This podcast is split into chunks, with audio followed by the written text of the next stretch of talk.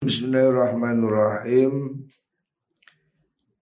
Wa yaqulu ba'duhum niku. Wa yaqulan dawu sapa ba'duhum sebagiane niku sibian niku. Amara perintah sapa nabi ashabahu ing biro-biro sahabat nabi ahyah ayah miluka ing gendong gendong supa ashab ka ing sira ahum ing dalam burine ashab. Wa kana lan ono sapa kanjeng nabi iku yud'at den tekani yuta. Yuta den tekani sapa kanjeng nabi bisobi kelan bocah asohiri kang cilik. Lihat waso yang dungoni sapa kanjeng nabi lahu maring sobi bil barakati kelawan berkah. Wal yusammiyahu lan supaya ngarani maksudnya ngarani memberi nama sapa nabi hu ing sogir Fayakhudhu mongko ngalap sapa kanjeng nabi hu ing sobi. Fayadhuhu mongko nyelehno sapa nabi hu ing sobi fi hujrihi ing dalam pangkunane kanjeng nabi Suatu saat kanjeng Nabi pernah didatangi orang bawa anak kecil, bayi kecil laki-laki, digendong sama Nabi mau didungani. Farubama bala temengko terkadang nguyu sopo mengkono asobyu bocah Fayasihu mongko bengok Bihi kalan mengkono mengkono baul niku Sopo bak duman sebagani wong Ya ro kang ningali sapa man hu ing mengkono baul. Fayaqulu mongko ngucap sapa sapa mengkono Kanjeng Nabi. La nabi. La tazrumu Ojo medot sira kabeh asobiya ing bocah baulahu ing uyuwe sobi Fayadahu monggo tinggal sopo nabi ing mengkono bahul untuk ing sobi hatta yak dia sehingga nekani sopo sobi baulahu ing nguyuwe mengkono sobi. Suma yafrogo nuli ngerampungakan sopo kanjeng nabi mintu ahi sangi tungani kanjeng nabi lahu maring sobi. Wadas hilan ngarani maksudnya jenengi sopo nabi ing sobi wa yablughu lan tumeka sapa Kanjeng Nabi. Wa yuballighu naka akan sapa Nabi surura ahlihi ing bungai keluargane mengkono sobi fihi ing dalam mengkono doa ilah.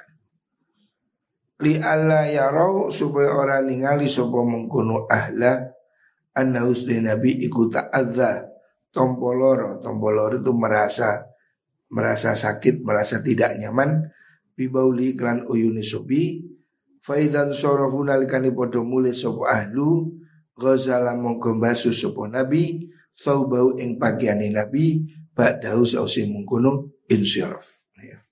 itu hadis uh, diriwayatkan di dalam um, kitab Sahih Muslim Rasulullah Shallallahu Alaihi Wasallam itu saking senengnya pada anak kecil ya. Kanjeng Nabi itu menyukai anak kecil. Sehingga Nabi itu sering gendong bayi. Bayi laki-laki. Hukumnya maka kemudian timbul namanya najis mukhafafah. Najis ringan. Bayi kecil yang belum makan selain ASI itu kan najisnya ringan. Tidak harus dicuci, cukup disiram-siram, sibrat-sibrat itu mulanya dari kejadian bahwa Rasulullah Shallallahu Alaihi Wasallam menggendong bayi. Ada orang bawa bayi kecil diaturkan dan kanjeng Nabi supaya diduai supaya di apa diberi nama. Bayinya itu ngompol. Orang-orang sudah panik ya, kasihan tuh. Bayinya kencing. Nabi bilang biar biar. Jadi Nabi tidak menghentikan dibiarkan bayinya kencing selesai didoain diberi nama Nabi seakan tidak apa-apa Nabi tidak menunjukkan ekspresi kalau beliau itu merasa apa nggak nyaman. Diompoli bayi. Setelah orangnya pulang, baru Nabi menciprati atau membasuh bajunya. Artinya ekspresi Rasulullah SAW terhadap anak kecil, bayi, ini sangat luar biasa. Lalu kemarin dalam hadis sebelumnya Rasulullah SAW kalau datang pergi itu disambut anak-anak kecil gendong sampai rebutan gendong sehingga Nabi menyuruh sahabat lain ikut gendong-gendong. Jadi ini salah satu contoh kelembutan. Seseorang pemimpin yang berhati lembut itu masih punya waktu untuk ngadeni anak kecil, bayi-bayi dan seterusnya. Ini menunjukkan sikap pemimpin itu memang apa belas. Orang ini kalau tidak punya hati belas kasih, tidak suka sama anak kecil, tidak suka. Jadi orang yang masih bisa mencintai anak kecil, ngomong, itu merupakan indikator dia punya hati kasih sayang seperti yang dilakukan oleh Rasulullah Shallallahu Alaihi Wasallam.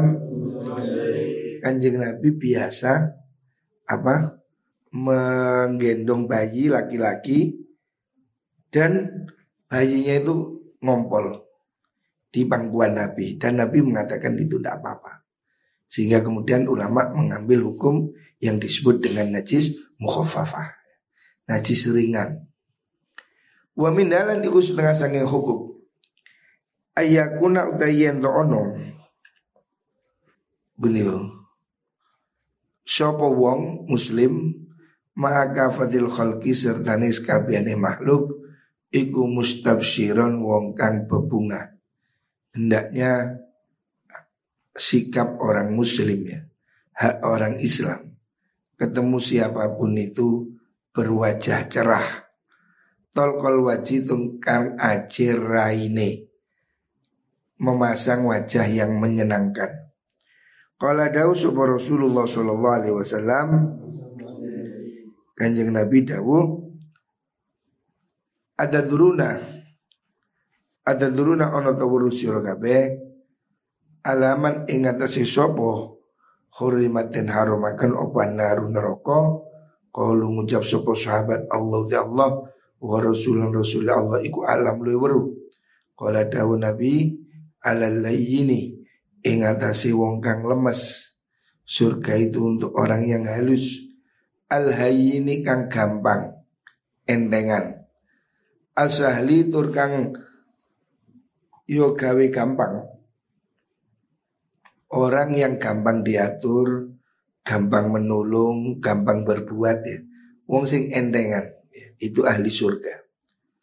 Al kang parek Maksudnya kan parek ya dengan dekat dengan apa sanak saudaranya, akrab itu.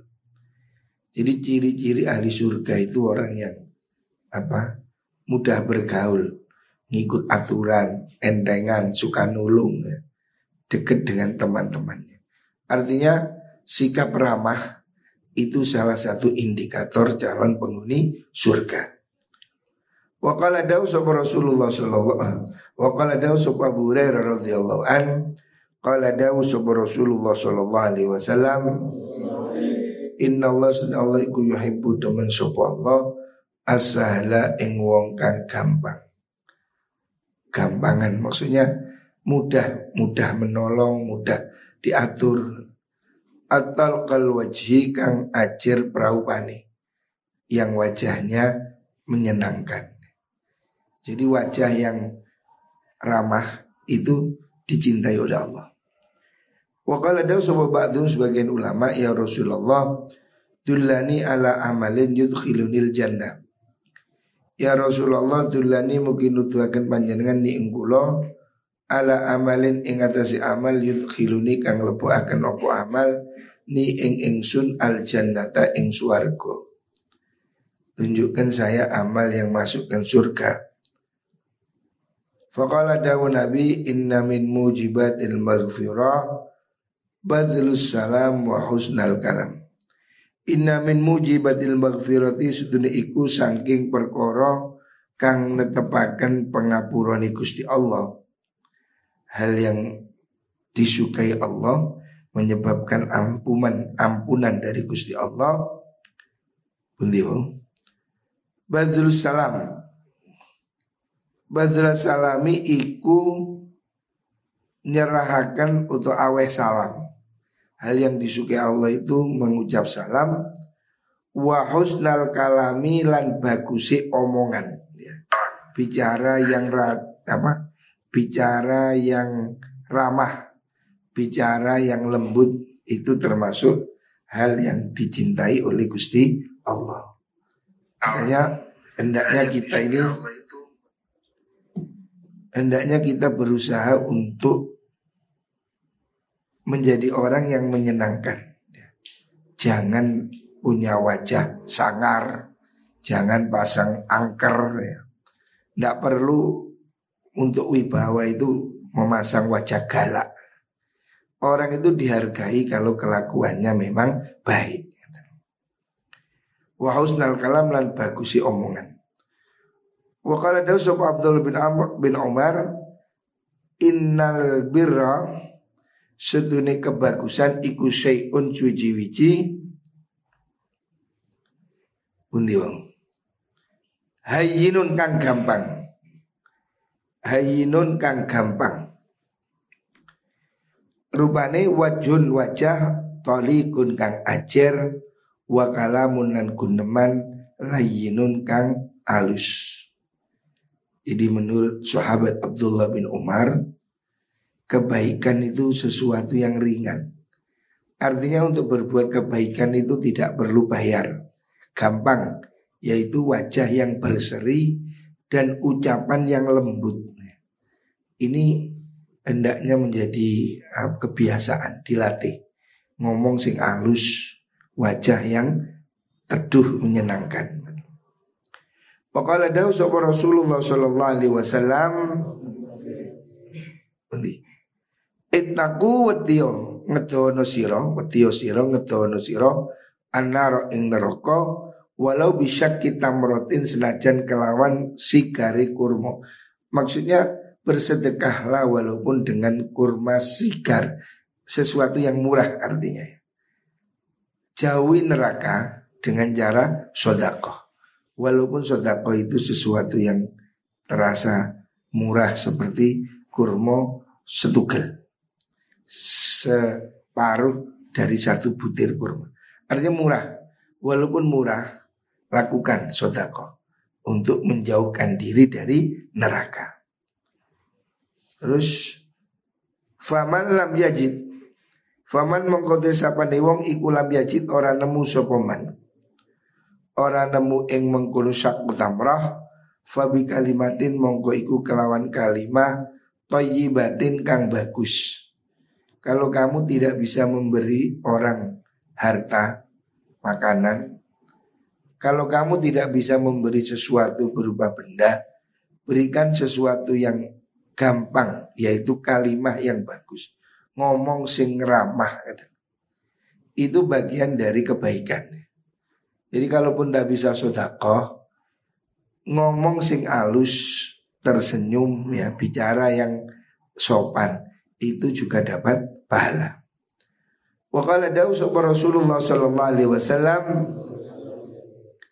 Inna fil jannati sudah ikut tetap ing dalam suwarga La hurufan ono piro-piro kamar, panggung Ada beberapa villa Yuro kang bisa den tingali opo duhuru hanjabane mengkono huruf Min butunia sanging jeruni huruf Wa butunuha lan den tingali opo jeruni huruf min zuhuriha sanging biro-biro jabane huruf.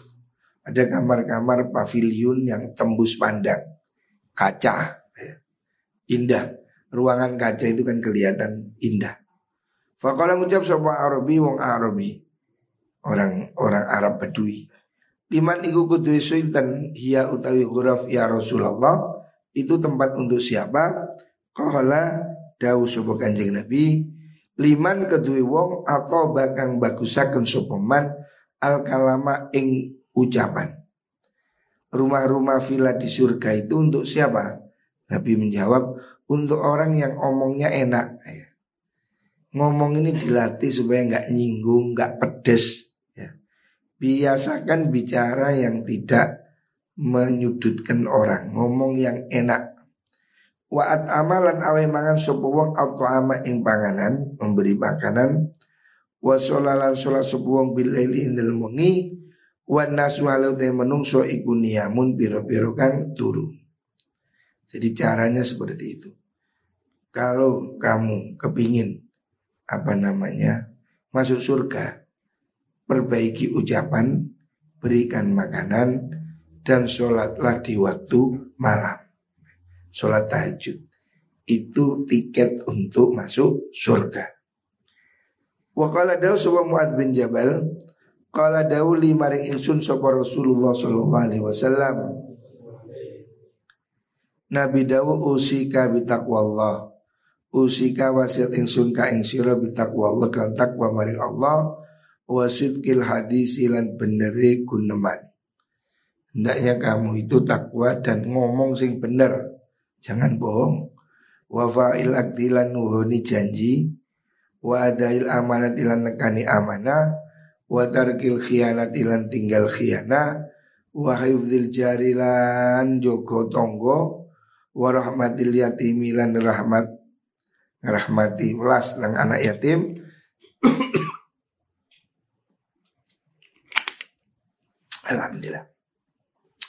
Walain walainil kalam. Lan lembuti omongan. Wa badri salami lan maringi salam ulut salam. Wa hafdzil janahi lan andap asor. Andap asor rendah rendah hati ini wasiat dari Rasulullah Sallallahu Alaihi Wasallam kepada sahabat Muaz bin Jabal. Artinya ini perintah Nabi pada kita ya. melalui sahabat Muaz hendaknya selalu bertakwa kepada Allah, jujur, menepati janji, menjaga amanah, jangan berkhianat, jaga tetangga ya, hubungan dengan teman, belas kasihan anak yatim, bicara yang lembut, ucapkan salam dan temukan sifat rendah hati. Wa qala Daud subhanahu radhiyallahu anhu Napa niku? Arodat mapak. Mapak itu me, apa mendekat. Li nabiyillah maring nabiyillah Nabi Muhammad maksudnya sallallahu alaihi wasallam sapa imraatun wong wadon wa qalat ngucap sapa imraah. Ada orang datang mendekat pada Nabi terus dia mengatakan li ku kedue ingsun maka sertani sira hajatun kebutuhan. Nabi saya ada perlu Wa kanan ana iku mau setelani Nabi sapa nasun menungso min ashabihi kang tetep saking piro-piro sahabat Nabi. Nabi sedang banyak teman. Ada wanita ngejak ngomong rahasia, saya ada perlu gitu. Terus Nabi mengatakan, faqala dawu Nabi, ijlisi lungguh sira fi ayyi nawahis sikaki ing dalam endine pejajahane piro-piro perkampungan Siti kang karib siro Ajris ajris bakal lunggu ingsun ilaiki maring siro Maksudnya ya kamu duduk di mana nanti saya ke situ gitu. Jadi Nabi itu ramah. Ada orang ngejak bicara perempuan ini, perempuan tua. Nabi saya mau bicara. Ya udah kamu duduk sana nanti saya datangi. Gitu. Artinya menjawabnya dengan sopan. Fafa'alat nuling lakoni sapa imra'ah. Fajalasan nuli lunggu Nabi ilaiha maring imrah. Hatta kodot sehingga nekani subuh Nabi hajatah ing kebutuhane imrah. Jadi Nabi itu begitu apa peduli. Ada orang mau bicara penting, ya sudah situ saya datang. Melayani walaupun dia seorang perempuan yang tidak terkenal, yang tidak Nabi tidak butuh. Tapi Nabi perhatian. Orang itu perlu ya sudah didatangi mau apa bicara apa sampai selesai. Artinya Nabi itu tidak pilih-pilih ya. Walaupun yang minta tolong itu orang tua, perempuan yang apa ya bukan sesuatu ya tidak ada bukan siapa-siapa artinya orang biasa. Nabi latini. Nabi peduli. Nabi tidak pilih kasih. Wa qala Wahab bin Munabbih. Inna rajulan sudah wong lanang min Bani Israel sing Bani Israel iku somat poso sapa rajul sabina ing dalem 70 apa netis apa nih sanatan tauni. Yafturu buak mokel buka sapa rajul fi kulli sab'ati ayyam ing dalem saben pitung dino. Ada orang Bani Israel itu puasa 70 tahun. Makannya tujuh hari sekali. Fasa alam mongkon jaluk sapa mengkono rajul Allah ing Allah ana usudun Allah iku yaro bison yuriau nggih yuriau meruhaken sapa Allah ing rajul kaifa ing kaya apa? Yagwa napa niku? Yuwi agwa yuwi nyasaraken sapa setan setan linasi maring annasa ing menungso. Falamma tola semangsane tadi tuwa alai surajul apa dalika mungkunu soal Walam yucap lan ora den jawab sapa rajul. Rajul tadi ya orang itu tirakat 70 tahun puasa. Makannya seminggu sekali. Berdoa pada Allah minta diberitahu cara setan menggoda manusia seperti apa. Kan gak kelihatan. Ingin diperlihatkan gimana cara setan mengganggu manusia. Terus tidak tidak tidak kelihatan. Kemudian kolang ucap sebuah rojul lawi tolak tu lamun ningali ingsun ala khotiati ing kesalahan ingsun wa dzambilan tu ingsun baini ing dalam antaran ingsun wa baina rabbian antara pangeran ingsun. Lakala ikti ono iku iku khairan. Apa mengkono itilak iku khairan lebih bagus. Lima ring ingsun min hadal amri sanging per ikilah perkara. Alladzi talabtu kang nyubri ingsun hu ing alladzi akhirnya orang itu merasa Ya sudah lebih baik saya mengetahui dosa saya Kesalahan saya di depan Allah Daripada saya ingin melihat setan berbuat pada manusia. Dia sadar. Farsalan nuli ngutus supa Allah Allah ilahi maring rojul malakan ing malaikat. Faqala ngucap supa malak lahu maring rojul Inna Allah Allah iku arsalani ngutus supa Allah ni ing ingsun ilaika maring siro Wa wa Allah iku yakulu dawu supa Allah laka maring siro Inna kalam maka sungi dawu panjenengan Hadha rumani kila kalam Allah kalam takang Apa kang guneman sirup ikan. Ada Iku ahabbalu indemenakan ilayya maring ingsun Mimma sanging berkoro madho kang usliat apa ma Min ibadatika sang ibadah siro Malaikat memberitahu pada dia Laki-laki tadi Omonganmu ingin mengenali kesalahan dirimu Introspeksi. Itu lebih baik dari ibadahmu yang sekian tahun Artinya kerendahan hatimu untuk mengenali dirimu kesalahanmu itu lebih bagus gitu. Daripada sekedar ibadahmu yang dahulu. Wakat fada teman buka sup Allah Allah basoroka ing peninggal siro Fandur mongko ninggalano siro Karena dia itu sudah merasa nyadari kesalahannya itu oleh Allah dibukakan Sekarang kamu dibukakan supaya bisa lihat setan Fandur suruh lihat Fanadoro mongko ningali soporojul Faidan nalikani nazoro Junu tu iblis utai piro-piro pasukan iblis. Junu tu iblis satu pasukan iblis. Tentara iblis Iku kot ahatot temen ngapung Ngubengi sopo junud bil ardi lan bumi. Wa lan nalikani ahato Laisa orang-orang sopo hadun wong suci minan nasi sang menungso Illa wasyayatin ang te piro-piro setan haulau indal kiwa tangani ahad Iku kadzi abi koyo piro-piro macan Ternyata setelah itu dia oleh Allah dibukakan ya tutupnya matanya bisa melihat setan. Kan kita tidak bisa lihat setan. Tapi kita tahu setan menggoda manusia. Ada orang Bani Israel ahli ibadah kepingin lihat setan. Seperti apa? Akhirnya proses ditunjukkan oleh Allah. Ketika dia bisa melihat, dilihat. Ternyata di seputar manusia ini setan itu tampak seperti serigala yang mengepung. Jadi satu orang itu kepung segala buahnya. Jadi setan sekitar kita ini banyak kan gak rumongso. Makanya kan angel ngaji, angel jamaah. Bab kamu itu dikuandoli setan. Cuma kamu gak lihat. Jadi ada orang yang bisa lihat. Ternyata di setiap manusia ini ada setan gerumbul, gerumbul. Jadi jumlah setan lebih banyak dari jumlah manusia. Makanya dia itu gandoli orang supaya tidak baik. Makanya meskipun mondok ngaji abot, jamaah abot, ya, berbuat baik berat. Sebab apa? Digandoli sama setan. Fakola ngucap sapa rajul, "Ai rabbi du pangeran kula." Man te sapa iku selamat sapa man min hada sing setan.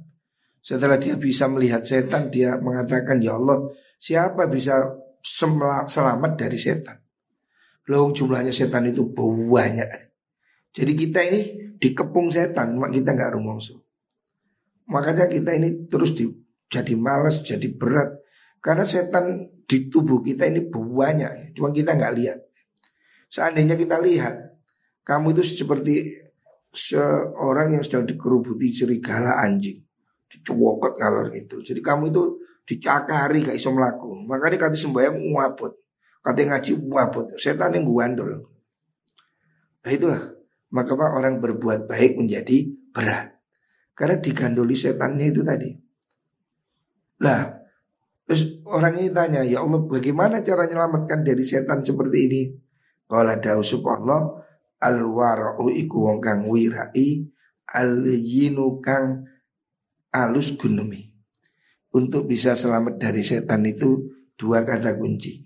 Satu wirai, jaga diri, jangan sembrono terhadap hal-hal yang haram ataupun syubhat. Jadi kata kuncinya kita ini kalau makanannya halal itu setannya lemah. Tapi kalau kita ini makanannya haram, apalagi nyolong, setannya kuat sehingga kita berat ya. Makanya orang itu kalau makanannya tidak halal, ibadah itu berat sekali. Sebab setannya lemu-lemu, ganduli kuat. Tapi kalau orang itu makanannya halal, maka dia menjadi lebih ringan karena setannya itu kurus. Jadi kata kunci untuk melemahkan setan satu wirai, hati-hati. Ya. Yang kedua lain, omong sing halus. Ya. Itu hal yang tidak disenangi oleh setan. Sehingga kita ini kalau kalau bisa melakukan hal itu, maka perbuatan kita baik ini jadi lebih ringan. Kalau tidak, ya kita ini sebetulnya sedang dikerobuti oleh setan. Makanya kita selalu banyak membaca ta'awud A'udzubillahi minasyaitonirrajim. Muka-muka kita dijauhkan dari setan. Allah.